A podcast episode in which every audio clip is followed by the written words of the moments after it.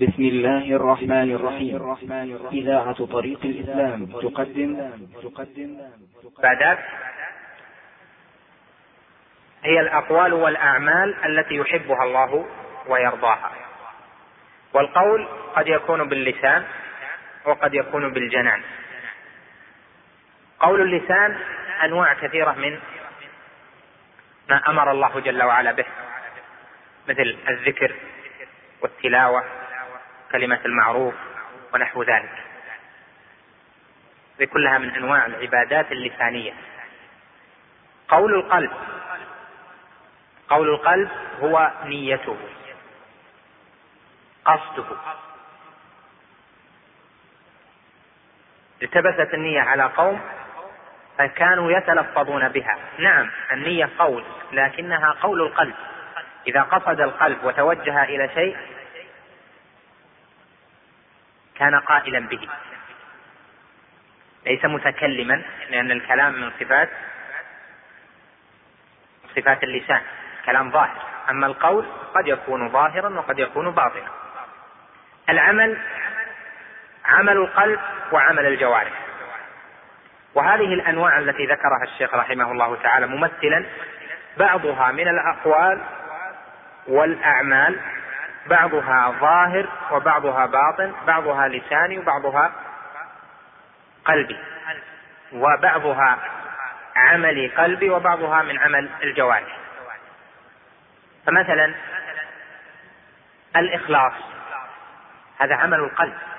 التوكل عمل القلب. لا يصلح الإخلاص إلا لله جل وعلا. إخلاص العبادة إخلاص الدين إلا لله جل وعلا. كما قال تعالى تنزيل الكتاب من الله العزيز الحكيم. إنا أنزلنا إليك الكتاب بالحق. فاعبد الله مخلصا له الدين. ألا لله الدين الخالص. قل الله أعبد مخلصا له ديني. التوكل كذلك من أعمال القلب التي ليست إلا لله. الخوف من أعمال القلب التي ليست إلا لله.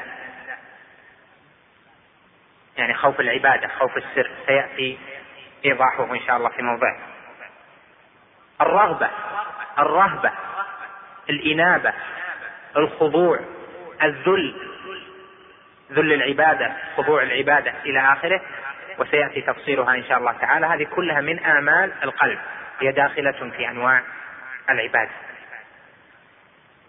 الأعمال الظاهرة مثل الاستغاثة. الاستغاثة طلب الغوث. طلب الغوث طلب ظاهر. مثل الاستعانة طلب العون.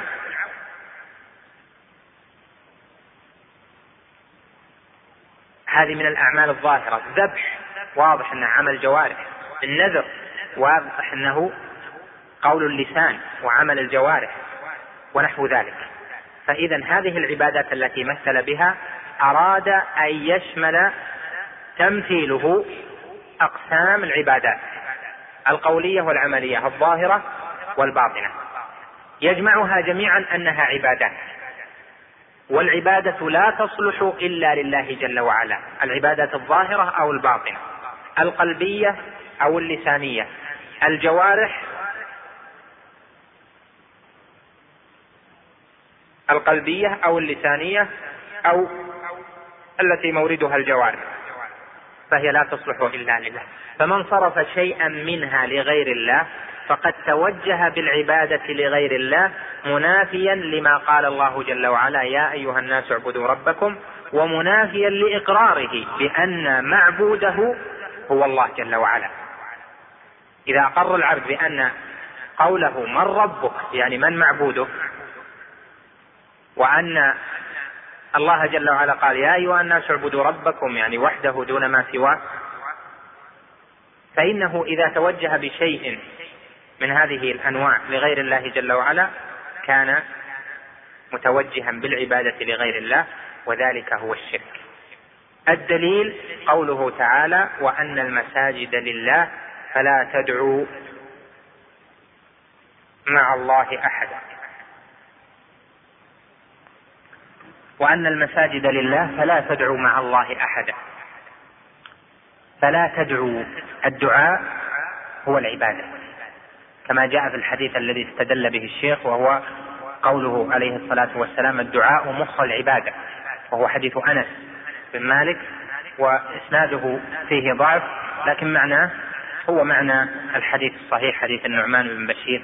الذي رواه أبو داود والترمذي وجماعة وهو قوله عليه الصلاة والسلام الدعاء هو العبادة. هو العبادة يعني مخ العبادة. لأن الدعاء هو العبادة بمنزلة قول النبي صلى الله عليه وسلم الحج عرفة. قال تعالى وأن المساجد لله فلا تدعوا مع الله أحدا. لا تدعوا يعني كما ذكرت لكم من قبل لا دعاء مسألة ولا دعاء عبادة. فلا تدعوا مع الله أحدا يعني لا تعبدوا مع الله أحدا. وأن المساجد لله فلا تدعوا مع الله أحدا. هذا نهي. أن يدعو الناس أحدا مع الله جل وعلا يعني أن يعبدوا أحدا مع الله جل وعلا. وإذا كان الدعاء هنا بمعنى دعاء المسألة فيكون معنى الآية وأن المساجد لله فلا تسألوا سؤال عبادة مع الله أحدا لا تطلبوا طلب عبادة مع الله أحدا. واللفظ دع تدعو يشمل دعاء العبادة ودعاء المسألة.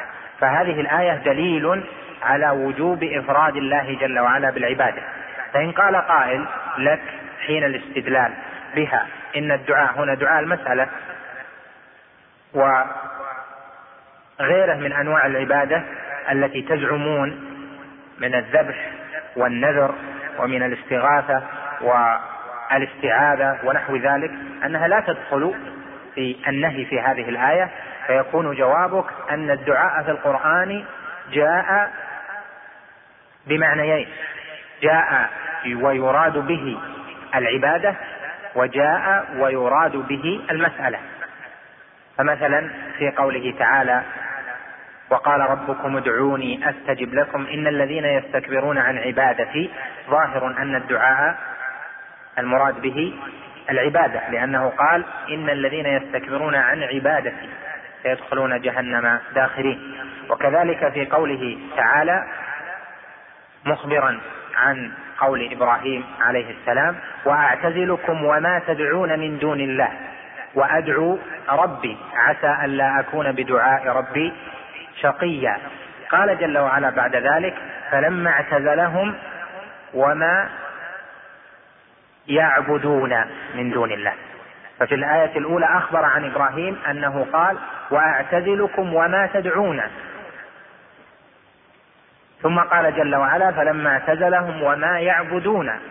فدل على أن إبراهيم عليه السلام حين قال واعتزلكم وما تدعون أي وما تعبدون. لأن الله جل وعلا قال بعدها فلما اعتزلهم وما يعبدون. وهذا من الأدلة الظاهرة أن الآية هذه تشمل دعاء المسألة ودعاء العبادة.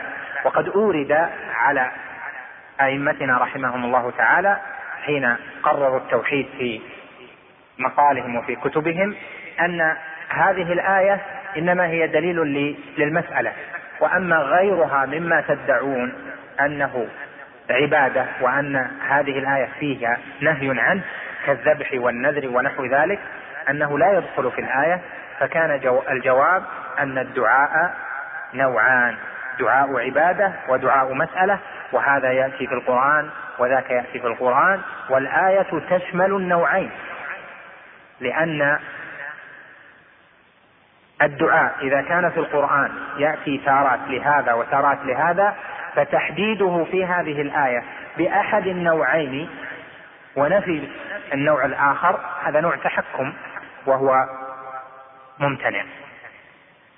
نقف عند هذا القدر ونكمل إن شاء الله تعالى غدا. أسأل الله جل وعلا أن ينفعني وإياكم. هذا سؤال بالمناسبة قال هل يصح أن يقال توكلت على الله ثم عليك توكلت على الله ثم عليك والجواب أن هذا لا يصلح لأن الإمام أحمد وغيره من الأئمة صرحوا بأن التوكل عمل القلب. ما معنى التوكل؟ هو تفويض الأمر إلى إلى الله جل وعلا بعد بذل السبب. إذا بذل السبب فوض العبد أمره إلى الله فصار مجموع بذله للسبب وتفويضه أمره لله مجموعها التوكل. ومعلوم أن هذا عمل القلب كما قال الإمام أحمد. ولهذا سئل الشيخ محمد بن إبراهيم مفتي الديار السعودية السابق رحمه الله تعالى عن هذه العبارة فقال لا تصح لأن التوكل عمل القلب. لا يقبل أن يقال فيه ثم. توكلت على الله ثم عليه إنما اللي يقال فيه ثم ما يسوغ أن ينسب للبشر. بعض أهل العلم في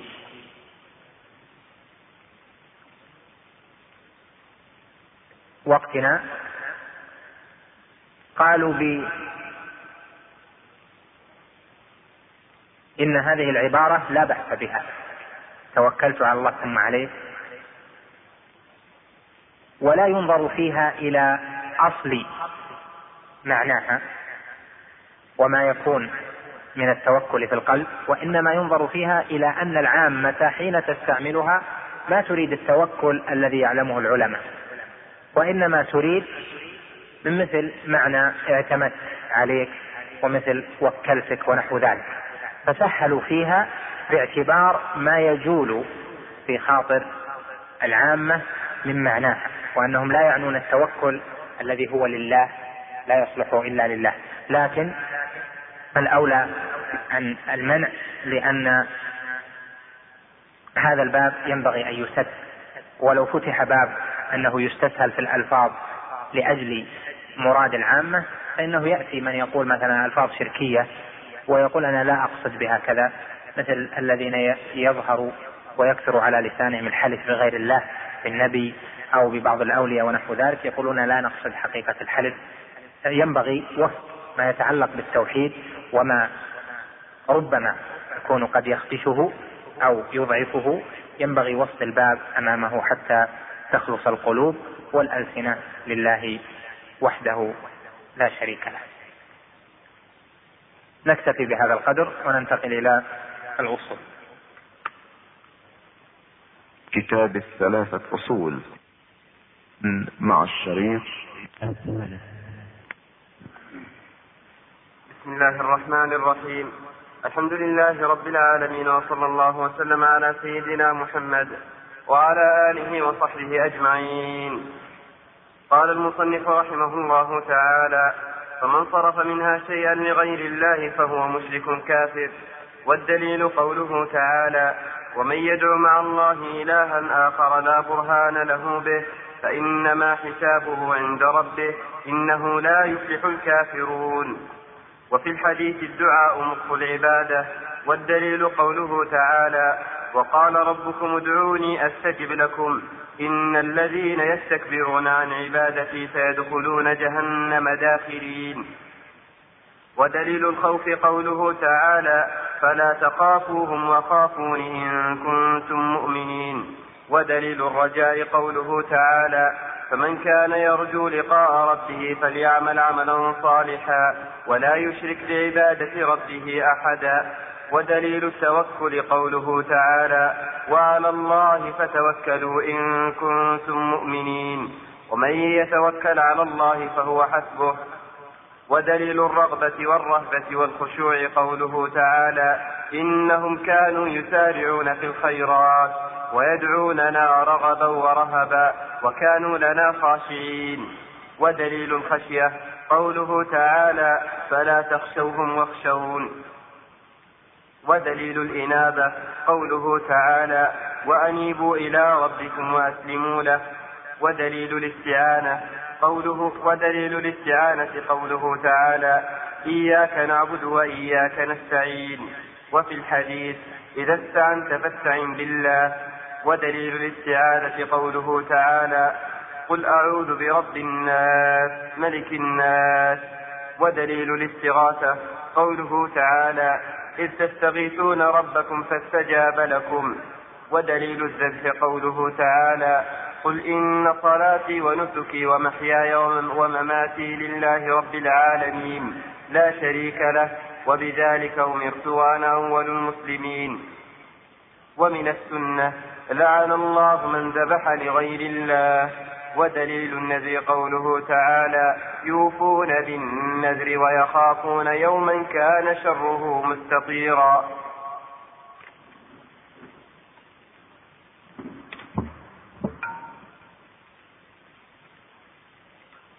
بسم الله الرحمن الرحيم. الحمد لله رب العالمين والصلاة والسلام على نبينا محمد وعلى آله وصحبه أجمعين. اللهم هب لنا من لدنك رحمة وهيئ لنا من أمرنا رشدا. اللهم علمنا ما ينفعنا وانفعنا بما علمتنا وزدنا علما وعملا يا أكرم الأكرمين. أما بعد فهذه صلة لما سبق الكلام عليه من أن العبادة حق لله جل وعلا وأن كل معبود سوى الله جل وعلا فإن عبادته بغير الحق وأنها بالباطل والظلم والطغيان والجور والتعدي من الخلق. فالله جل وعلا هو الذي يستحق العبادة وحده دون ما سواه من خلقه. وبعد أن ذكر أنواع العبادات التي موردها اللسان والقلب والجوارح. قال رحمه الله فمن صرف منها شيئا لغير الله فهو مشرك كافر. والدليل قوله تعالى ومن يدع مع الله الها آخر لا برهان له به فإنما حسابه عند ربه إنه لا يفلح الكافرون.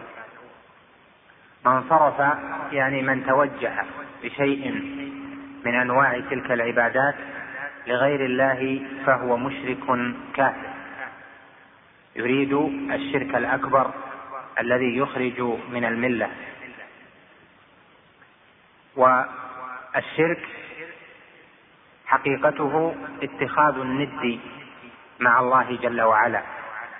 وهو المذكور في قوله فلا تجعلوا لله أندادا وأنتم تعلمون. والتنديد يعني أن يجعل لله مثل في الاستحقاق استحقاق التوجه استحقاق العبادة.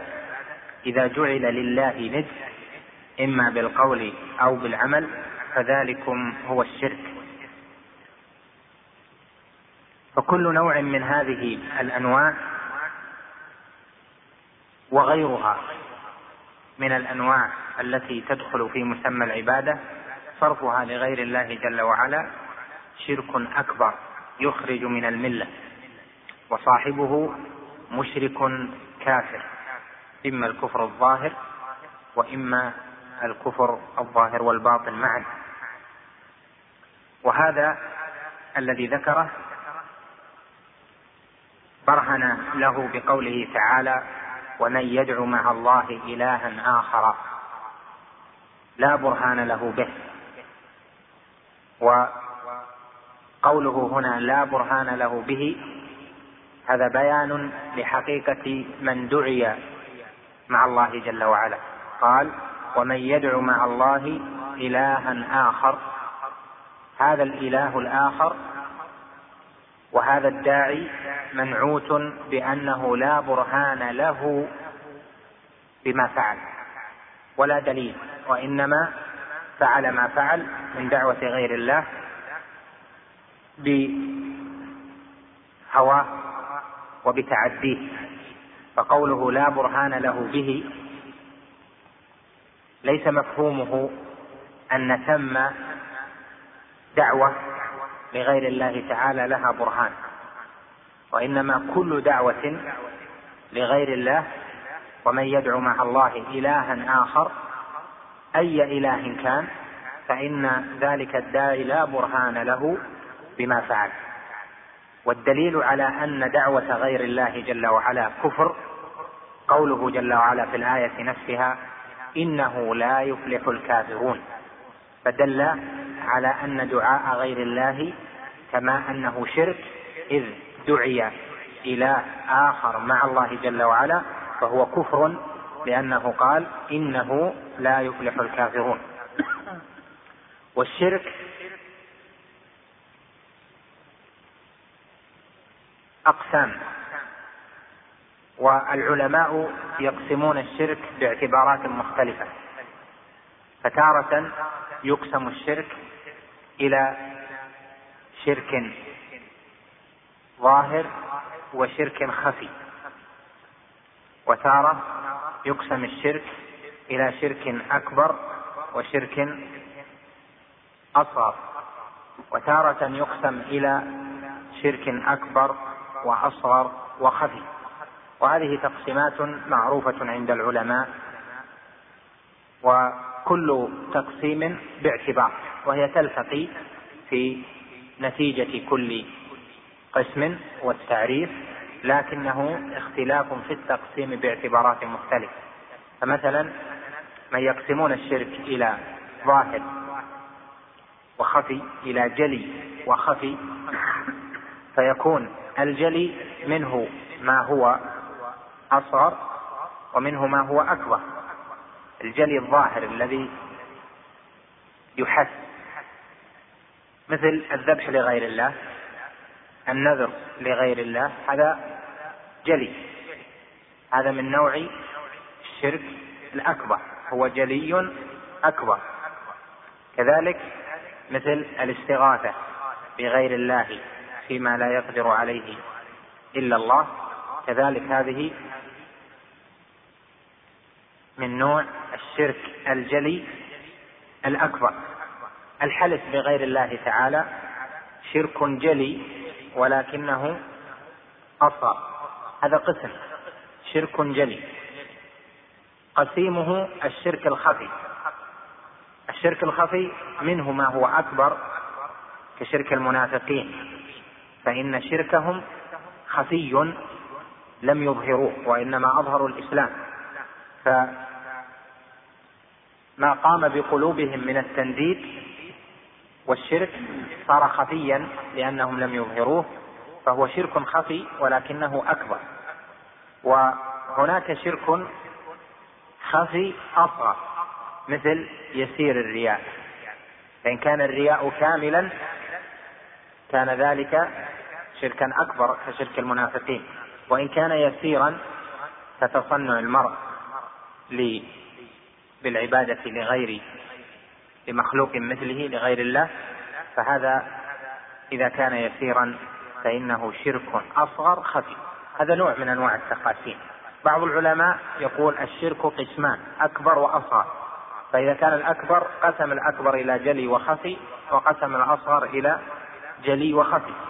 والأوضح أن يقسم إلى ثلاث إلى أكبر وأصغر وخفي. ويكون الخفي مثل يسير الرياء والأصغر مثل الحلف بغير الله تعليق التمائم ونحو ذلك والأكبر مثل الذبح والنذر والاستغاثة ودعاء ودعوة غير الله جل وعلا. هذه تقسيمات للشرك قد تجد هذا أو ذاك في كلام طائفة من أهل العلم لكن كلها محصلها واحد وإنما التقسيم باعتبارات وهي ملتقية في التعريف وفي النتيجة.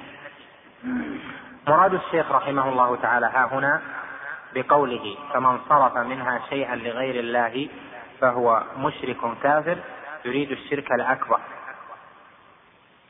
الذي يخرج من الملة. فكل شيء صح عليه قيد العبادة فإن صرفه لغير الله يعني التوجه به التعبد به لغير الله هذا كفر. مثل نداء الموتى أو نداء الغائبين أو خوف السر أو الذبح لغير الله أو النذر لغير الله أو الاستغاثة بالأموات أو طلب أنواع الطلب المختلفة من الاستعانة ونحوها أو بعض آمال القلوب مثل الاستعاذة ونحو ذلك. هذه كلها أنواع للعبادات بعضها في القلب وبعضها للجوارح. جميعا من توجه بشيء منها لغير الله فهو مشرك الشرك الأكبر الذي يخرج من الملة. البرهان قوله ومن يدعو مع الله إلها آخر. وقد قدمت لك أن يدعو والدعاء في القرآن قد يكون دعاء مسألة وقد يكون دعاء عبادة. فإذا لم يكن في الدليل في النص قرينة تحدد أحد المعنيين حمل على المعنيين جميعا لأن حمل النص على أحد المعنيين دون دليل وبرهان تحكم في النص وذلك لا يجوز.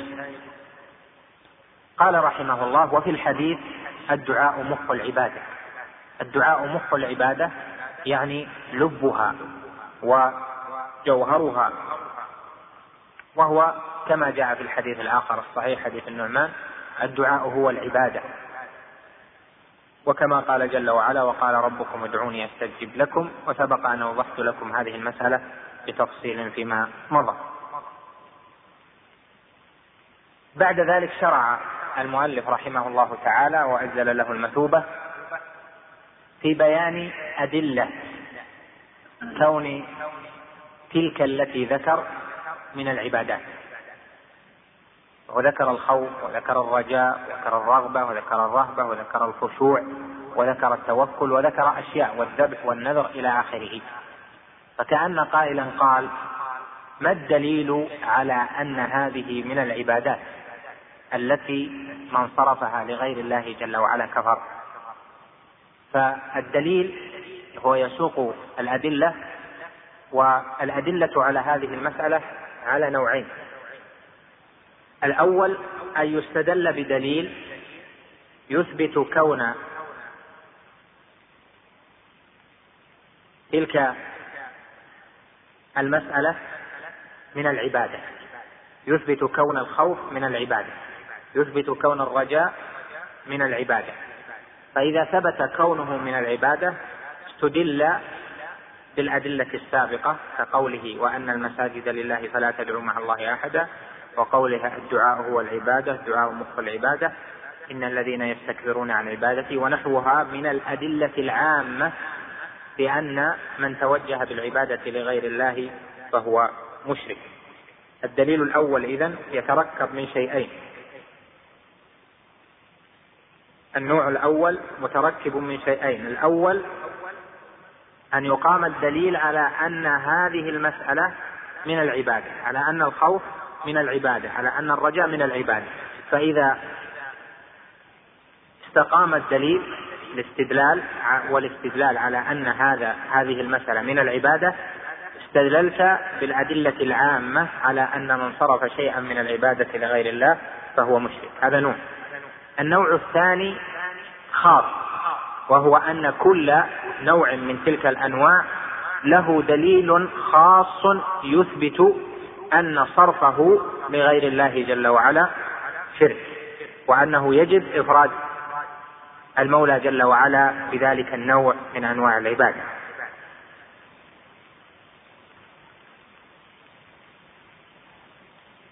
وهذا مما ينبغي أن يتنبه له طالب العلم في مقامات الاستدلال لأن تنويع الاستدلال عند الاحتجاج على الخرافيين والقبوريين وأشباههم مما يقوي الحجة. تنوع الاستدلال مرة بأدلة مجملة مرة بأدلة مفصلة مرة بأدلة عامة مرة بأدلة خاصة حتى لا يتوهم أنه ليس ثم إلا دليل واحد يمكن أن ينازع المستدل به الفهم. فإذا نوعتها صارت الحجة أقوى والبرهان أجلى. بدأ في ذكر هذه الأدلة بعضها من النوع الأول وبعضها من النوع الثاني. قال رحمه الله دليل الخوف يعني دليل كون الخوف عبادة. قوله تعالى فلا تخافوهم وخافوني إن كنتم مؤمنين. هذا الدليل فيه أن الخوف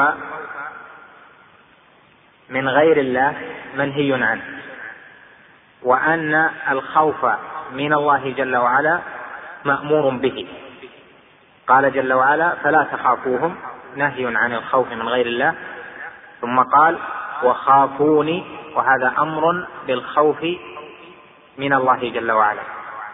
وما دام أن الله جل وعلا أمر بالخوف منه فإنه يصدق على الخوف اذا تعريف العبادة. لأنه إذ أمر بالخوف منه فمعنى ذلك أن الخوف منه محبوب له مرضي عنده. فيصدق عليه تعريف شيخ الإسلام للعبادة أنها أنها اسم جامع لكل ما يحبه الله ويرضاه.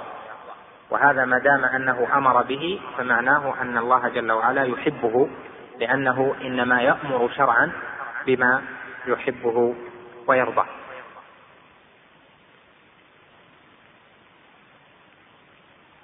وفي هذه الآية دليل من النوع الثاني وهو أن الخوف يجب أن يفرد به الله جل وعلا. قال ها هنا وخافوني إن كنتم مؤمنين. فجعل الإيمان فجعل حصول الإيمان مشروط مشروطا بالخوف منه جل وعلا. قال خافوني إن كنتم مؤمنين. إن كنتم مؤمنين فخافوني ولا تخافوهم. وهذا فيه دليل على إفراد الله جل وعلا بهذا النوع من الخوف. والخوف الذي يجب إفراد الله جل وعلا به ومن لم يفرد الله جل وعلا به فهو مشرك كافر هو نوع من أنواع الخوف وليس كل أنواع الخوف. هو خوف السر. وهو أن يخاف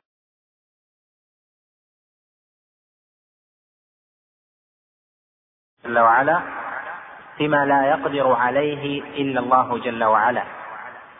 وهو المسمى عند العلماء خوف السر. وهو أن يخاف أن يصيبه هذا المخوف منه أن يصيبه ذلك الشيء بشيء في نفسه يعني في نفس ذلك الخائف كما يصيبه الله جل وعلا بأنواع المصائب من غير أسباب ظاهرة ولا شيء يمكن الاحتراز منه. فإن الله جل وعلا له الملكوت كله وله الملك وهو على كل شيء قدير بيده تصريف الأمر يرسل ما يشاء من الخير ويمسك ما يشاء من الخير يرسل المصائب. وكل ذلك دون أسباب يعلمها العبد. وقد يكون لبعضها أسباب لكن هو في الجملة من دون أسباب يمكن للعبد أن يعلمها. يموت هذا ينقضي عمر ذاك هذا يموت صغيرا ذاك يموت كبيرا هذا يأتيه مرض وذاك تصيبه يصيبه بلاء في ماله ونحو ذلك. الذي يفعل هذه الأشياء هو الله جل وعلا. فيخاف من الله جل وعلا خوف السر أن يصيب العبد بشيء من العذاب في الدنيا أو في الآخرة. المشركون يخافون آلهتهم خوف السر أن يصيبهم ذلك الإله ذلك السيد ذلك الولي أن يصيبهم بشيء كما يصيبهم الله جل وعلا. بالأشياء فيقع في قلوبهم الخوف من تلك الآلهة من جنس الخوف الذي يكون من الله جل وعلا. يوضح ذلك أن عباد القبور وعباد الأضرحة وعباد الأولياء يخافون أشد الخوف من الولي أن يصيبهم بشيء إذا تنقص الولي أو إذا لم يقم بحقه. وقد حكيت لي في ذلك حكاية من أحد طلبة العلم أنه كان مجتازا مرة مع سائق سيارة أجرة ببلدة طنطا المعروفة في مصر التي فيها قبر البدوي. والبدوي عندهم معظم وله من الأوصاف ما لله جل وعلا. يعني يعطونه من الأوصاف بعض ما لله جل وعلا. هم اجتازوا بالبلدة فأتى صغير متوسط السن يسأل هذا يسأله صدقة فأعطاه شيئا فحلف له بالبدوي أن يعطيه أكثر. وكان من العادة عندهم أن من حلف له بمثل ذلك فلا يمكن أن يرد لا بد أن يعطي لأنه يخاف أن لا يقيم لذلك الولي حقه. فقال هذا وهو من طلبة العلم والمتحققين بالتوحيد فقال هات ما أعطيتك. فظن ذاك أنه يريد أن يعطيه زيادة. فأخذ ما أعطاه وقال لأنك أقسمت بالبدوي فلن أعطيك شيئا لأن القسم بغير الله شرك.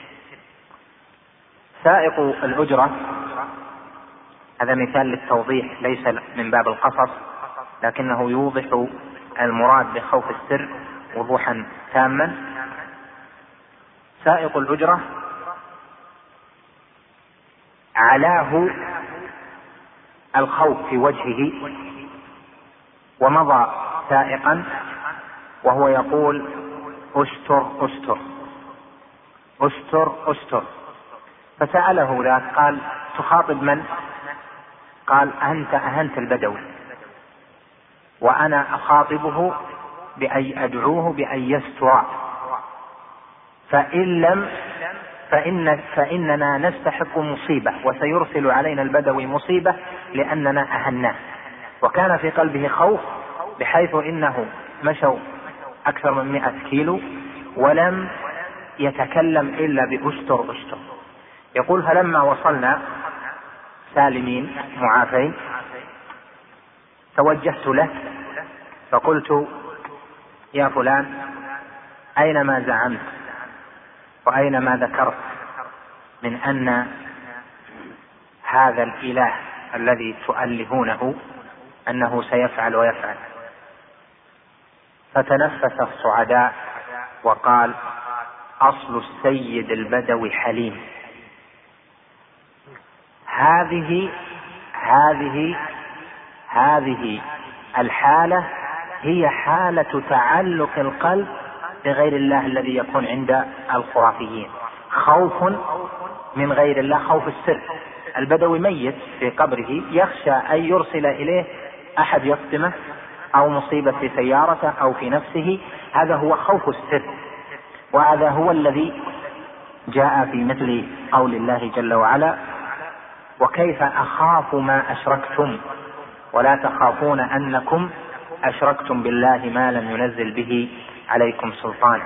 فأي الفريقين أحق بالأمن إن كنتم تعلمون؟ قال وكيف أخاف ما أشركتم؟ لأنهم يخافون آلهتهم هذا النوع من الخوف. ولهذا تجد القلب معلق تجد قلوبهم معلقة بآلهتهم لأنهم يخافونهم خوف السر. وقال جل وعلا مخبرا عن قول قوم هود حيث قالوا لهود إن نقول إلا اعتراك بعض آلهتنا بسوء. إن نقول إلا اعتراك بعض آلهتنا بسوء. فهم خافوا الآلهة عندهم أن الآلهة تصيب بسوء وكان الواجب على حد زعمهم أن يخاف هذا من الآلهة أن تصيبه بسوء فقالوا له إن نقول إلا اعتراك بعض آلهتنا بسوء يعني بمصيبة في نفسك إذ اختل عقلك أو اختلت جوارحك أو نحو ذلك. هذا النوع من الخوف هو الذي إذا صرف لغير الله جل وعلا فهو شرك أكبر.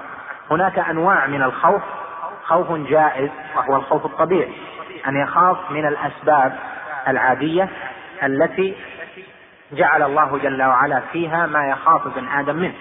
أن يخاف من النار أن تحرقه. يخاف من السبع أن يعدو عليه من العقرب أن تلدغه. يخاف من ذي سلطان غشوم أن يعتدي عليه ونحو ذلك. هذا النوع خوف طبيعي من الأشياء لا ينقص الإيمان لأنه مما جبل الله جل وعلا الخلق عليه. هناك نوع خوف محرم. هذا القسم الثالث. لأن الخوف أربعة أقسام. قسم منه شركي شرك أكبر وقسم منه جائز وقسم محرم. وهو أن يخاف من الخلق في أداء واجب من واجبات الله. يخاف من الخلق في أداء الصلاة. يخاف إن قام للصلاة من مجلس يبطنه كثيرون أن يعاب فإذا خاف هذا الخوف فإنه هذا الخوف يكون محرما. وفي مثله نزل قوله تعالى الذين قال لهم الناس إن الناس قد جمعوا لكم فاخشوه. فزادهم إيمانا وقالوا حسبنا الله ونعم الوكيل. وفي قوله فلا تخافوهم وخافوني إن كنتم مؤمنين. لأن الواجب أن يجاهدوا فإذا خافوهم عن أداء ذلك الواجب خوف ليس بمأذون به في الشرع وإنما هو من تسويل الشيطان كما قال إنما ذلكم الشيطان يخوف أولياءه. هذا النوع من الخوف محرم لا يجوز لأن فيه تفويت فريضة من فرائض الله لأجل الخلق. خاف من غير الله لكنه ليس خوف السر وإنما هو خوف ظاهر وهذا محرم من المحرمات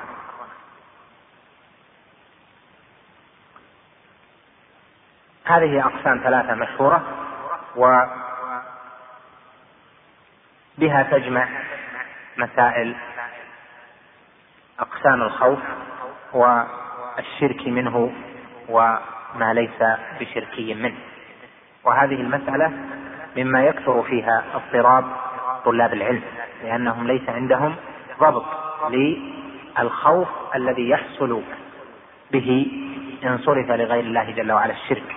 الذي يوصف من قام به أنه مشرك. أي خوف هذا؟ هو خوف السر ووصفه وضبط حاله. هو ما ذكرته لك من قبل. فكن منه على ذكر وبينه في فهمك لهذه المسألة العظيمة. الخوف عبادة قلبية. موردها القلب. قد يظهر أثره على الجوارح. قال بعد ذلك ودليل الرجاء قوله تعالى فمن كان يرجو لقاء ربه فليعمل عملا صالحا ولا يشرك بعبادة ربه أحدا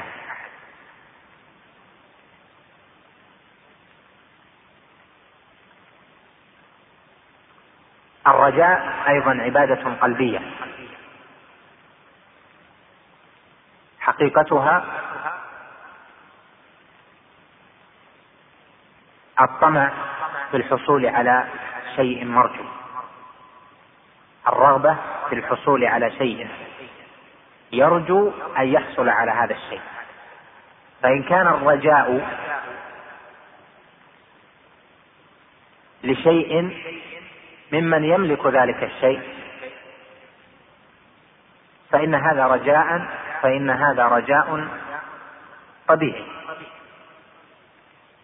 أرجو أن تحضر لأنه يمكنك أن تحضر.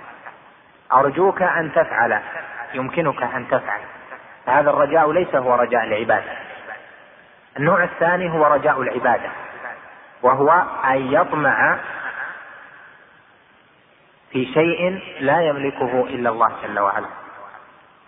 أن يطمع في شفائه من مرض. يرجو أن يشفى. يرجو أن يدخل الجنة وينجو من النار.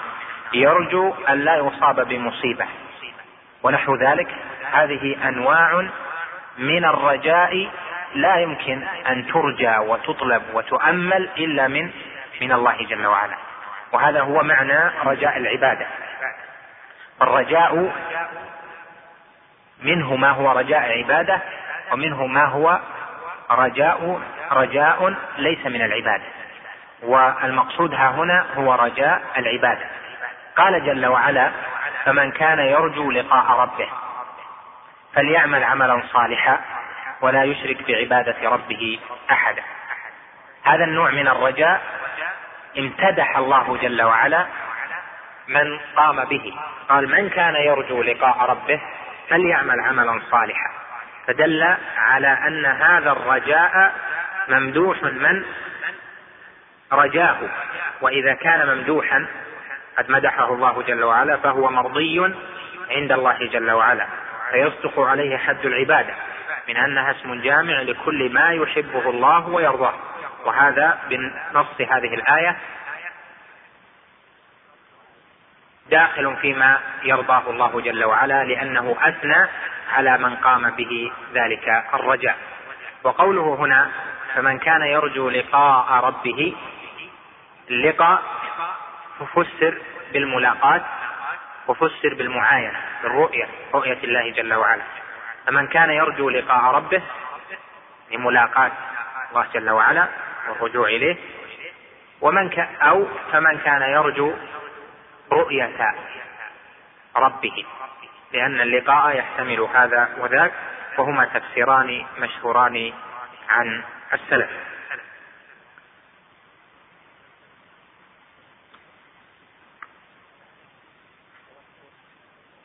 قال بعدها ودليل التوكل قوله تعالى وعلى الله فتوكلوا إن كنتم مؤمنين التوكل أيضا من العبادات القلبية. حقيقته أنه يجمع شيئين. الأول تفويض الأمر إلى الله جل وعلا. الثاني عدم رؤية السبب بعد عمله. والتفويض وعدم رؤية السبب شيئان قلبيان. فالعبد المؤمن إذا فعل السبب وهو جزء مما تحصل به حقيقة التوكل فإنه لا يلتفت لهذا السبب لأنه يعلم أن هذا السبب لا يحصل المقصود ولا يحصل المراد به وحده. وإنما قد يحصل المراد به وقد لا يحصل لأن حصول المرادات يكون بأشياء. منها السبب ومنها صلاحية المحل ومنها خلو الأمر من المضاد فثم ثلاثة أشياء تحصل بها المرادات. أول سبب نعلم بما خلق الله جل وعلا خلقه عليه أن هذا السبب ينتج المسبب النتيجة. الثاني صلاحية المحل لقيام الأمر به الأمر المراد. الثالث خلو الأمر أو المحل من المضاد له. مثاله الدواء. النبي صلى الله عليه وسلم أمر بالدواء فقال تداووا عباد الله. فالمسلم الموحد يتناول الدواء باعتباره سببا للشفاء. لكنه ليس سببا أو ليس علة وحيدة بل لا يحصل الشفاء بهذا وحده وإنما لابد من أشياء أخرى.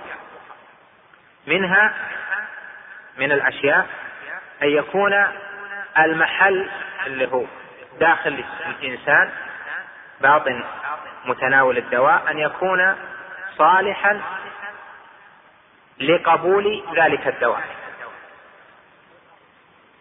وهذا معنى قولي أن يكون المحل صالحا أيضا من من العلل التي يكمل بها المراد أن يكون السبب هذا الذي عمل خاليا من المعارض له.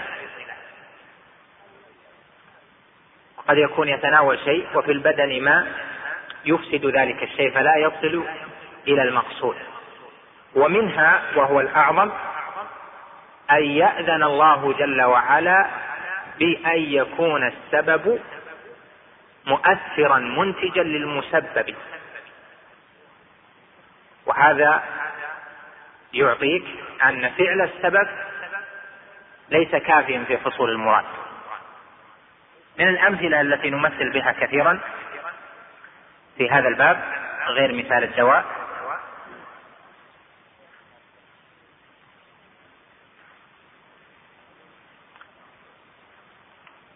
رجل رام سفرا على سيارة فأعد العدة وفعل أسباب السلامة جميعا. من رعاية مثلا للكابحات الفرامل ومن رعاية للإطارات ونحو ذلك فعل أسباب السلامة جميعا. وسار على مهل هذا كل ما يمكنه أن يفعله. لكن هل هذا وحده يحصل السلامة؟ لا يحصل السلامة هذا وحده. فهناك من قد يكون معتديا عليه تأتيه سيارة كبيرة أو قد بذل أسباب السلامة تأتيه في طريقه ويصاب بالمصيبة من جراء ذلك. فهو فعل ما يمكنه أن يفعله. لكن هناك أشياء بيد الله جل وعلا تتم السلامة باجتماعها وليس بهذا السبب الوحيد الذي عمله العبد. لا يجوز للعبد أن يتخلى عن بذل السبب لأن بذل السبب من تمام التوكل ولكن لا يلتفت إلى السبب. ولهذا قال علماؤنا علماء التوحيد من أئمة السلف فمن بعدهم. الالتفات إلى الأسباب قدح في التوكل.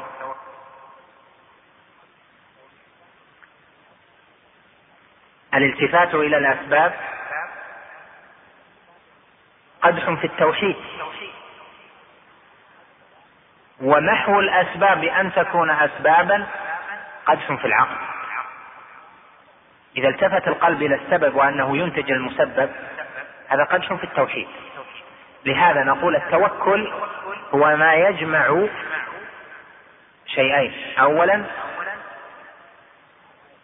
تفويض الأمر إلى الله جل وعلا لأن الله هو الذي بيده الملك. الثاني عدم رؤية السبب الذي فعل. فإذا لا بد من فعل السبب ويقوم بالقلب عدم رؤية. لهذا السبب أنه ينتج المقصود وحده وإنما يعلم أنه جزء مما ينتج المقصود والباقي على الله جل وعلا ثم يفوض الأمر إلى الله جل وعلا. هذا ينتج لك أن التوكل عبادة قلبية محضة. توكل عبادة قلبية محضة ولهذا صار صرفه لغير الله جل وعلا شرك. بمعنى أن يفوض الأمر لغير الله جل وعلا. كما يقول بعض مشايخ الصوفية لبعض مريديهم يقول إذا أصبت بمصيبة فاذكرني فإني أخلصك منها. اذكرني يقوم بالقلب ذلك المتذكر ذلك المذكور وإذا قام به أنه يخلصه من ذلك الشيء فمعناه أنه فوض الأمر إليه فصار متوكلا على غير الله جل وعلا. وهذا هو حقيقة ما يفعله المشركون في الجاهلية ومن شابههم ممن بعده. دليل التوكل قوله تعالى وعلى الله فتوكلوا إن كنتم مؤمنين. ففي هذه الآية الأمر بالتوكل وما دام أنه أمر به فهو عبادة لأن العبادة ما أمر به من غير اقتضاء عقلي ولا اضطراد عرفي وما دام أنه أمر به فهو راض له أن يتوكل عليه وهذا معناه كونه عبادة. ثم أيضا في هذا الدليل أنه جعل التوكل شرط الإيمان فقال وعلى الله فتوكلوا إن كنتم مؤمنين. فمعنى ذلك أنه لا يحصل الإيمان إلا بالتوكل على الله وحده. أيضا هنا قدم الجار والمجرور فقال وعلى الله فتوكلوا. وعلى الله فتوكلوا. وتقديم ما حقه التأخير في علوم في علم المعاني يفيد الحصر والقصر أو يفيد الاختصاص. وهنا يفيدهما يفيد الاختصاص ويفيد الحصر والقصر. فمعنى هذه الآية في قوله وعلى الله فتوكلوا يعني احصروا توكلكم في الله اقصروا توكلكم على الله إن كنتم مؤمنين. خصوا الله بتوكلكم إن كنتم مؤمنين. وهذه الآية هذا الدليل فيه مركب من نوعي الدليل اللذين ذكرتهما لك من قبل. النوع الأول ما هو؟ إثبات أن هذا الأمر عبادة. الثاني إثبات أن هذه العبادة يجب صرفها لغير الله جل وعلا بدليل خاص وهو المستفاد من قوله وعلى الله فتوكلوا وهو المستفاد من قوله فتوكلوا إن كنتم مؤمنين.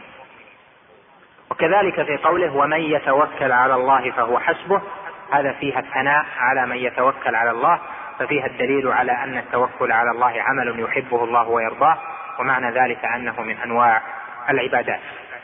هذا هو توكل العبادة. وهناك شيء آخر ليس من توكل العبادة وهو التوكيل وهو المعروف في باب الوكالة عند الفقهاء.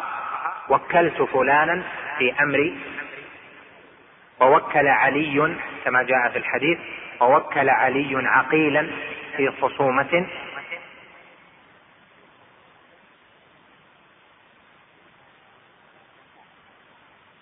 هذا من باب الوكالة. وهو شيء آخر غير غير التوكل.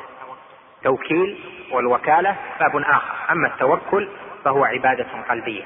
يضبط ذلك أن الوكالة فيها المعنى الظاهر فيها شيء ظاهر. أما التوكل فهو عمل قلبي. على كل حال لهذه الجمل مزيد تفصيل لكن المقام يضيق عن تفصيلات ما يتعلق بهذه الأنواع من العبادات وتفصيلها في كتاب التوحيد لأن كل واحدة منها عقد لها باب في كتاب التوحيد. قال رحمه الله تعالى ودليل الرغبة والرهبة والخشوع قوله تعالى إنهم كانوا يسارعون في الخيرات ويدعوننا رغبا ورهبا وكانوا لنا خاشعين هذه الآية فيها المسارعة في الخيرات الدعاء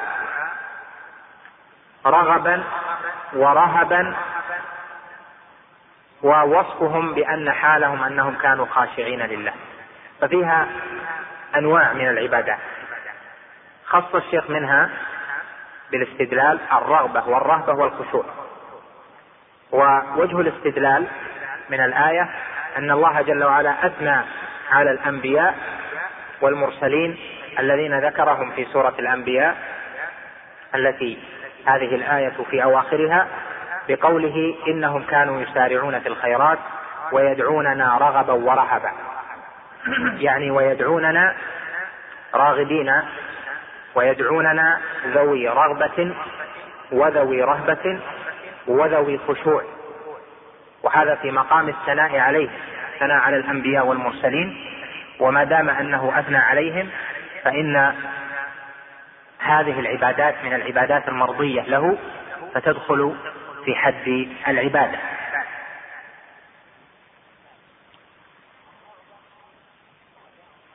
الرغبة رجاء خاص والرهبة خوف خاص وجل خاص والخشوع هو التطامن والذل. قال تعالى ومن آياته أنك ترى الأرض خاشعة. يعني ليس فيها حركة بالنبات ليس فيها حياة متطامنة ذليلة. فإذا أنزلنا عليها الماء اهتزت وربت.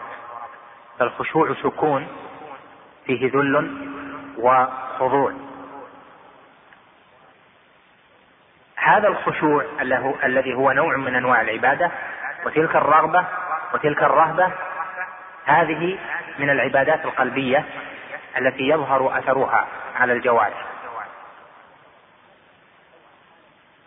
لو تأملت أو رأيت حال المشركين عند آلهتهم حال عباد القبور مثلا عند أوثانهم عند المشاهد لوجدت أنهم في خشوع ليسوا عليه في مساجد لله ليس فيها قبر ولا قبة.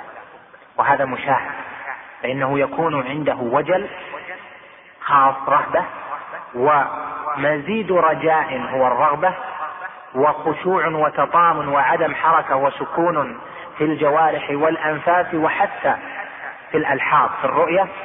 وهذا كله مما لا يسوغ أن يكون إلا لله لأن المسلم في صلاته إذا صلى فإنه يكون تقوم به الرغبة يقوم به الرهبة المستفادة من قوله تعالى الرحمن الرحيم مالك يوم الدين الرحمن الرحيم تفتح له باب الرغبات وباب الرجاء ومالك يوم الدين يفتح عليه باب الرهبة وباب الخوف من الله جل وعلا. فتأتي عبادته حال كونه راغبا راهبا. والخشوع سكونه وخضوعه وعدم حراكه في صوته وفي عمله هذا لله جل وعلا في عبادة الصلاة. والخشوع يكون بالصوت ويكون بالأعمال كما قال جل وعلا وخشعت الأصوات للرحمن فلا تسمع إلا همسا فالهمس لا ينافي الخشوع بالصوت وهذه حال المصلي حين يناجي ربه جل وعلا فهو في حال رغبة ورجاء وفي حال خوف ورهبة وفي حال خشوع لربه جل وعلا. يزيد هذا في القلب وربما غلب عليه حتى نال المقامات العالية في تلك العبادة وربما قل وضعف حتى لم يكتب له من صلاته إلا عشرها أو إلا تسعها. هذا لأنه من أنواع العبادات التي يحبها الله جل وعلا ويرضاها. فإذا وجه الاستدلال أن الله جل وعلا أثنى على أولئك الأنبياء وعلى أولئك المرسلين بأنهم ذو رغب وذو رهب وذو خشوع لله جل وعلا. وبالأخص هذا الدليل العام وبالدليل الخاص في الخشوع وحده قال هنا وكانوا لنا قال هنا وكانوا لنا خاشعين وكما قدمت أن الجار والمجرور هنا قدم على ما يتعلق به وهو اسم الفاعل خاشع لأن الجار والمجرور كما أسلفت لك يتعلق بالفعل أو ما فيه معنى الفعل وهو اسم الفاعل أو اسم المفعول أو ما أشبهه من مصدر ونحو ذلك. وهنا قال كانوا لنا خاشعين. أصل سبك الكلام كانوا خاشعين لنا. فلما قدم ما حقه التأخير كان ذلك مفيدا للاختصاص وللحصر وللقصر كما هو معلوم في علم المعاني.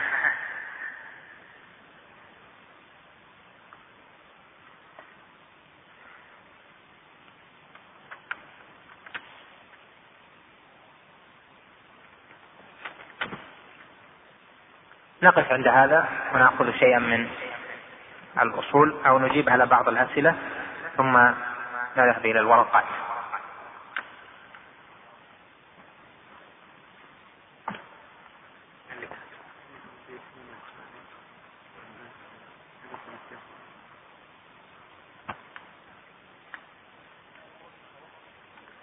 يقول متى يكون التوكل شركا أكبر ومتى يكون شركا أصغر؟ التوكل عبادة مطلوبة. التوكل على الله عبادة مطلوبة واجبة. يسأل هو عن التوكل على غير الله. يكون شركا أكبر إذا فوض أمره إلى الله. إذا فوض أمره لغير الله فوض هذا الأمر. مصيبا اللي وقع فيها أو ما يريد إنجاحه من تجارة أو عبادة أو درس أو نحو ذلك فوض إنجاح هذا الأمر لغير الله وقام بقلبه هذا التعلق يكون شركا أكبر. ولا يكون التوكل على غير الله يكون شركا أصغر إنما هو شرك أكبر. يقول يوجد كتاب باسم حكم تمني الموت. صحته أحكام تمني الموت للشيخ محمد بن عبد الوهاب وقد قرأت هذا الكتاب ووجدت فيه من القصص الغريبة والأحاديث الضعيفة فهل هذا الكتاب فعلا للشيخ محمد بن عبد الوهاب علما بأن دار النشر المكتبة الإمدادية بمكة المكرمة؟ هذا سؤال جيد وإن كان الجواب عليه قد يطول لأن المسألة فيها تحتاج إلى إيضاح وبسط لكن ألخص الجواب بأن هذا الكتاب ليس للشيخ محمد بن عبد الوهاب رحمه الله تعالى. وإنما الواقع أن الذين أن الجامعة جامعة الإمام رأت أن النسخة هذه التي طبعوا عنها أنها بخط الشيخ رحمه الله تعالى. وعندي صورة منها وهي بخط الشيخ رحمه الله.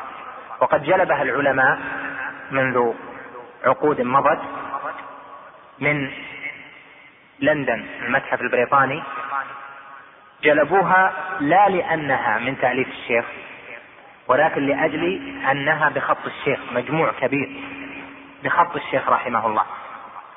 جلبوها من هناك وصوروها وأودعوها في المكتبة السعودية بالرياض لأنها بخط الشيخ. والعلماء منذ ذلك الوقت يعلمون أنها ليست للشيخ وإنما هي بخطه وسيأتي لما كتبها الشيخ ولهذا لم يسعوا إلى نشرها ولا إلى طبعها. الشيخ رحمه الله تعالى في هذه من جنس المجاميع التي كتبها بخطه وهي أنه كان يتجول في تجول في رحلاته فإذا رأى كتابا وكما تعلمون في ذلك الوقت يصعب شراء الكتب تكون نسخة عند واحد من الناس فيصعب شراؤها فالعالم ماذا يصنع؟ يأخذ هذا الكتاب ويختصره ينتخب منه. فهو الذي صنع في هذا المجموع أنه انتخب منه أشياء تتعلق في أوله بأحكام تمني الموت. ثم بعد ذلك انتخب أشياء من هذه الأحاديث الضعيفة والموضوعة التي يحتج بها الخرافيون في بعض مسائل حياة الموتى وتعلق أرواح الاحياء بالموتى ونحو ذلك إن أخذها من كتاب للسيوطي مطبوع الآن في أحوال أهل القبور. أخذ هذه الأحاديث لما؟ ليكون على بينة في تخريجها فيما إذا أوردها عليه الخصوم خصوم الدعوة. فهو لم ينتخذها تاليفا وإنما انتخبها انتقاء حتى يكون على بينة منها. كعادته في أشياء كثيرة مما انتقاه وانتخبه. والذي غر الذين طبعوه أنه موجود بخط الشيخ رحمه الله تعالى. وكونه بخط الشيخ لا يعني أنه تأليف له. وسموه بهذا الاسم أحكام تمني الموت لأن أول صفحة منه في حكم تمني الموت. فتمني الموت في ذلك الكتاب استغرق صفحة أو صفحتين أو قريبا منها والباقي كلها من الأحاديث التي ذكرها هذا السائل جزاه الله خيرا. والشيخ رحمه الله كما ذكرت لك انتخب هذه ليعلمها من كتاب للسيوطي موجود. لو طابقت بين هذه الرسالة المزعومة وكتاب السيوطي لوجدت أنها نقل عنه حرفا بحرف. أحاديث المتوالية نقلها عنه ليكون على بينة مما فيها من كما لو احتج فيما لو احتج بها الخرافيون. ولهذا قال من قال من علماء الحديث أهل الحديث يكتبون كل شيء يكتبون حتى الموضوعات حتى إذا احتج بها أحد بينوا له حكمها وبينوا له وجه معناه.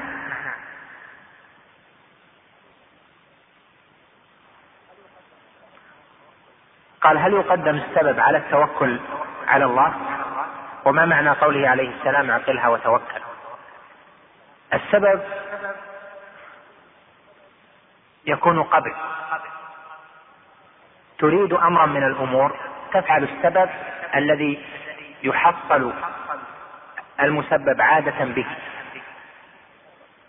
شفاء من مرض السبب أن تذهب إلى الطبيب. فهذا السبب. إذا فعلت السبب يقوم بالقلب شيئان. أولا تفويض أمر الشفاء لله جل وعلا.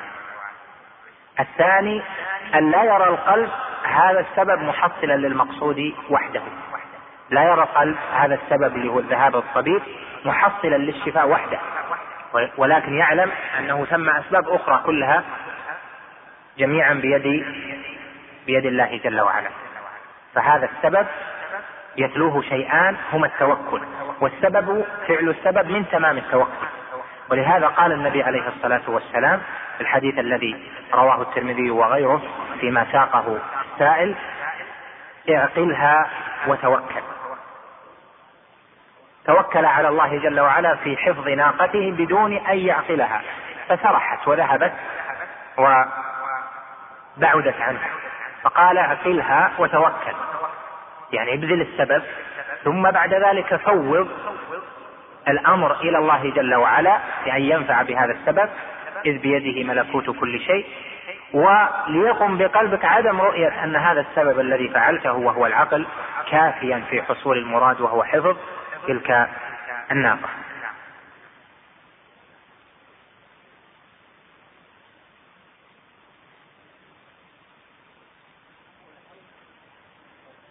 يقول هل البيت المعروف عند الناس ومعتصمات شرك في الاستغاثة؟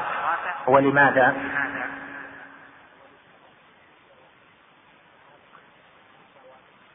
هذا ليقول رب ومعتصماه انطلقت. القصة هذه لا يثبتها لأن المرأة نادت المعتصم وقالت ومعتصماه أو أين المعتصم مني؟ أو يا معتصما هذه ليست بثابتة تاريخيا لكن أخبار التاريخ كما هو معلوم كثيرة لا يمكن أخذ التثبت منها. ومعتصمة هذه لها احتمالان. احتمال أن تكون ندبة.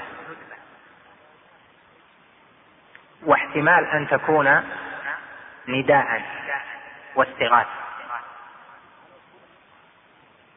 وعلى كل إذا كان هذا الغائب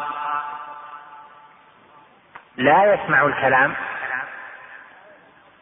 أو لا يعتقد أن الكلام سيصل إليه فإنه يكون شركا لأنه استغاث بغير الله جل وعلا. فإن كانت من باب الندبة فإن باب الندبة فيه نوع من السعة. والأصل أن الندبة تكون لسامع كذلك الاستغاثة بما يقدر على الإغاثة فيه تكون لحي حاضر سامع يقدر أن يغيث. وهذا كان على القصة هذه لو كانت المرأة قالتها المعتصم لا يسمعها وليس قريبا منها فيحتمل إن كان مرادها أنه يمكن أن يسمعها. يقوم بقلبها أنه يمكن أن يسمعها دون واسطة طبيعية ودون كرامة خاصة لها من الله جل وعلا فهذا شرك من جنس أفعال المشركين.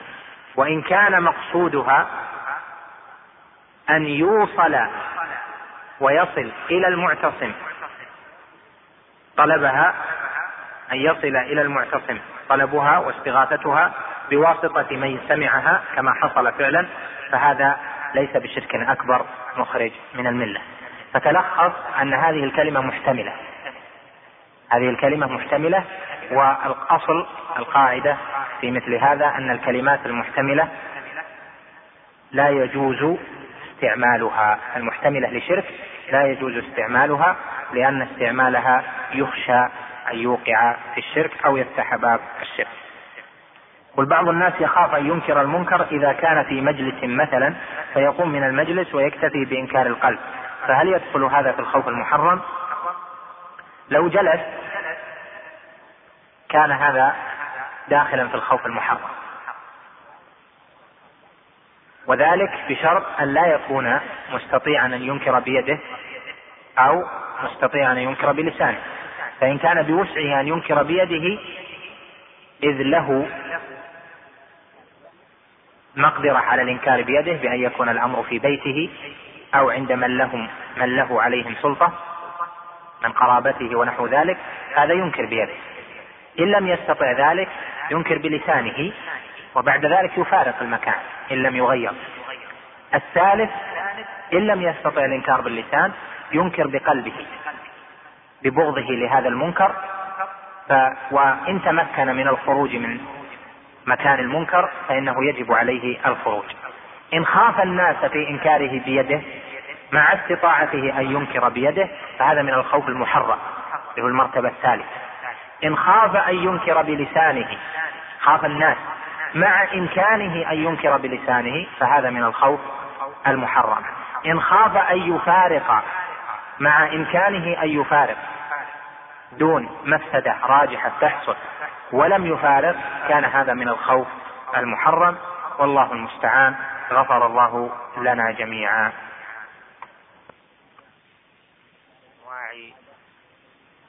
العبادة مع دليل كل مسألة وأنها من العبادة. وقد وقفنا على الإنابة. قال ودليل الإنابة قوله تعالى وأنيبوا إلى ربكم وأسلموا له.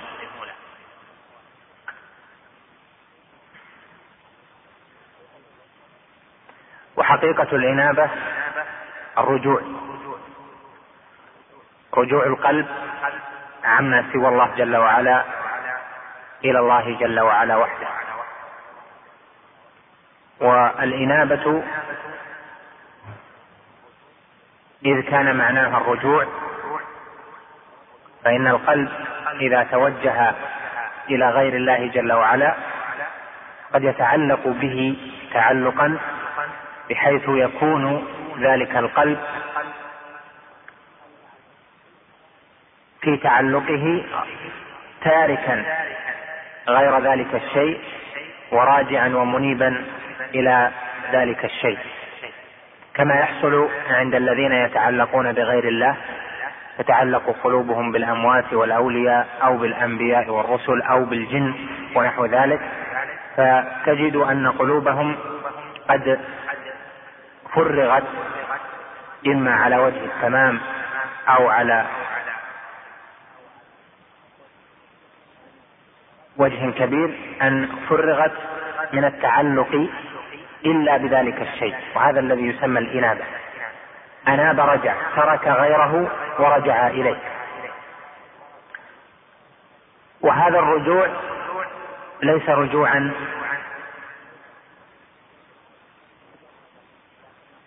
مجردا ولكنه رجوع للقلب مع تعلقه ورجائه. فحقيقة الإنابة أنها لا تقوم وحدها. القلب المنيب إلى الله جل وعلا إذا أناب إليه فإنه يرجع وقد قام به أنواع من العبودية منها الرجاء والخوف والمحبة ونحو ذلك.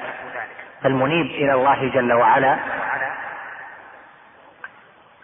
هو الذي رجع عما سوى الله رجع إلى الله جل وعلا عما سوى الله جل وعلا. ولا يكون رجوعه هذا إلا بعد أن يقوم بقلبه أنواع من العبوديات. أعظمها المحبة والخوف والرجاء. محبة الله الخوف من الله الرجاء في الله. فإذا الإنابة صارت عبادة بهذا الدليل وسيأتي بيان وجه الاستدلال. وأيضا لأنها شيء متعلق بالقلب ولأنها لا تقوم بالقلب إلا مع أنواع أخر من العبوديات. ولهذا استدل له بقوله تعالى وأنيبوا إلى ربكم وأسلموا له.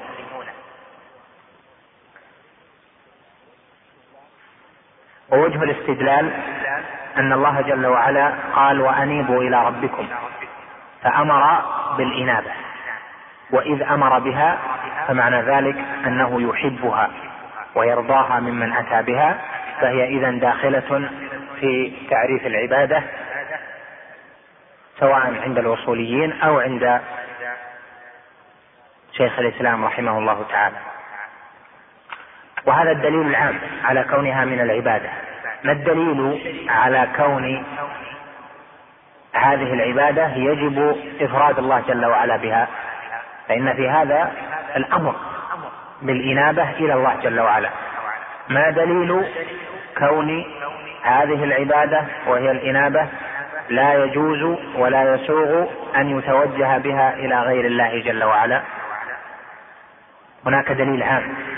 ألا وهو أنه إذ ثبت أنها عبادة فأدلة الأدلة العامة كقوله تعالى وأن المساجد لله فلا تدعوا مع الله أحدا وقوله ومن يدعو مع الله إلها آخر لا برهان له به فإنما حسابه عند ربه إنه لا يفلح الكافرون. وغير ذلك قوله عليه الصلاة والسلام الدعاء هو العبادة الدعاء مخ العبادة. ونحو هذه الأدلة تدل على أن أي نوع من العبادة لا يجوز أن يتوجه به إلى غير الله. ومن توجه به إلى غير الله جل وعلا فقد كفر. فهذا الاستدلال العام وهناك دليل خاص في الإنابة أنه يجب إفراد الله جل وعلا بالإنابة. وذلك في قوله تعالى عليه توكلت وإليه أنيب. في سورة هود عليه توكلت وإليه أنيب قالها شعيب عليه السلام وأخبر الله جل وعلا بها عن شعيب في معرض الثناء عليه. قال عليه توكلت يعني عليه وحده لا غير لا غير توكلت فوضت أمري وأخليت قلبي من الاعتماد على غيره ومجيء الجار والمجرور متقدم على ما يتعلق به وهو الفعل دل على وجوب حصرها وقصرها واختصاصها بالله جل وعلا. ثم قال وإليه أنيب. فقال إليه وحده لا إلى سواه أنيب أرجع محبا راجيا خائفا عن كل ما سوى الله جل وعلا إلى الله وحده. فلما قدم الجار والمجرور على ما يتعلق به وهو الفعل دل على أن هذه العبادة وهي الإنابة مختصة بالله جل وعلا وهذا أتى في معرض الثناء على شعيب. وهناك أدلة أخرى فإذا هذه المسألة مع غيرها أحيانا يورد الشيخ دليلا عاما على كونها من العبادة وأحيانا يورد دليلا عاما على كونها عبادة وخاصا في أنه يجب إفراد الله جل وعلا بها. والحمد لله ما من مسألة من مسائل العبادة القلبية أو العملية عمل الجوارح أو عمل القلب أو عمل اللسان ما من مسألة إلا وثم دليل عام على أنها من العبادة وثم دليل خاص على أن من صرفها لغير الله جل وعلا فقد أشرك. وهذا والحمد لله بين ظاهر وهذا التوحيد في بيانه ووضوحه وظهور براهينه وأدلته وآياته مما هو بمكان واضح ظاهر لا يكون معه بعد ذلك حجة للمخالفين الذين تنكبوا هذا الطريق ولم يسلموا وجوههم لله جل وعلا ويخلصوا دينهم لله جل وعلا وحده. بعد الإنابة ذكر الاستعانة حيث قال ودليل الاستعانة قوله تعالى إياك نعبد وإياك نستعين هذا دليل عام في العبادات جميعا حيث قال إياك نعبد وإياك كما هو معلوم ضمير منفصل.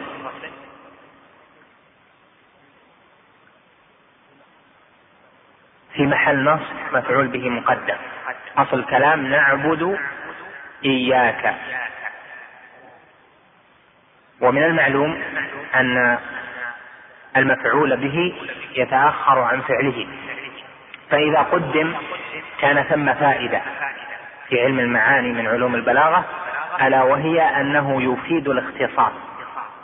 وطائفة من البلاغيين يقولون يفيد الحصر والقصر. وعلى العموم الخطب يسير يفيد الاختصاص أو يفيد الحصر والقصر. هنا أفاد أن العبادة من خصوصيات الله جل وعلا خاصة بالله جل وعلا. إياك نعبد يعني لا نعبد إلا أنت.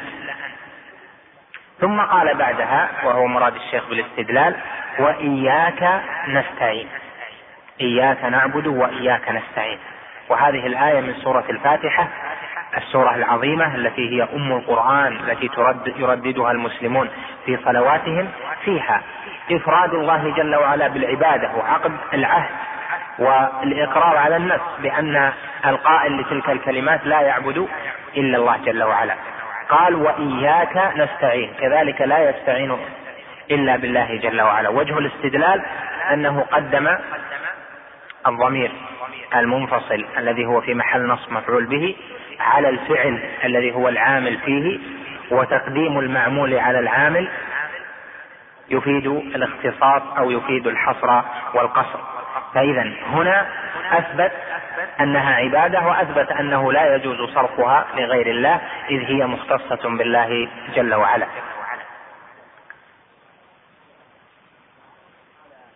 وها هنا قال قال العلماء شيخ الإسلام ابن تيمية وجماعة من أهل العلم إن عبادة غير الله أعظم كفرا من الاستعانة بغير الله. مع أن جنس الاستعانة قد يكون من الربوبية. يعني طلب الإعانة هو طلب لمقتضيات الربوبية. لأن الله جل وعلا هو مدبر الأمر. إياك نعبد هذا فيه معنى الألوهية. وإياك نستعين طلب الاستعانة من الله طلب الإعانة من الله. استعانة المسلم بالله هذا فيها طلب لمقتضى الربوبية. ومن حيث كون الاستعانة طلبا صارت عبادة ولهذا قال إن عبادة غير الله أعظم كفرا من الاستعانة بغير الله وهذا لأجل أن العبادة لغير الله جل وعلا إذا صرفت لغير الله جل وعلا فإنها يكون معها تحول في القلب الذي هو المضغة. إذا صلحت صلح العمل كله صلح الجسد كله. إذا توجه بقلبه لغير الله في عبادته هذا صار قلبه فاسدا.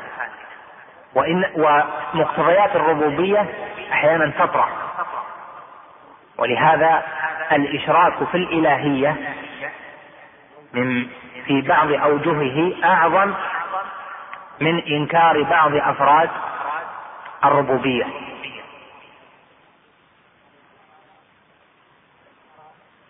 ألم ترى أن ذلك الرجل من بني إسرائيل الذي قال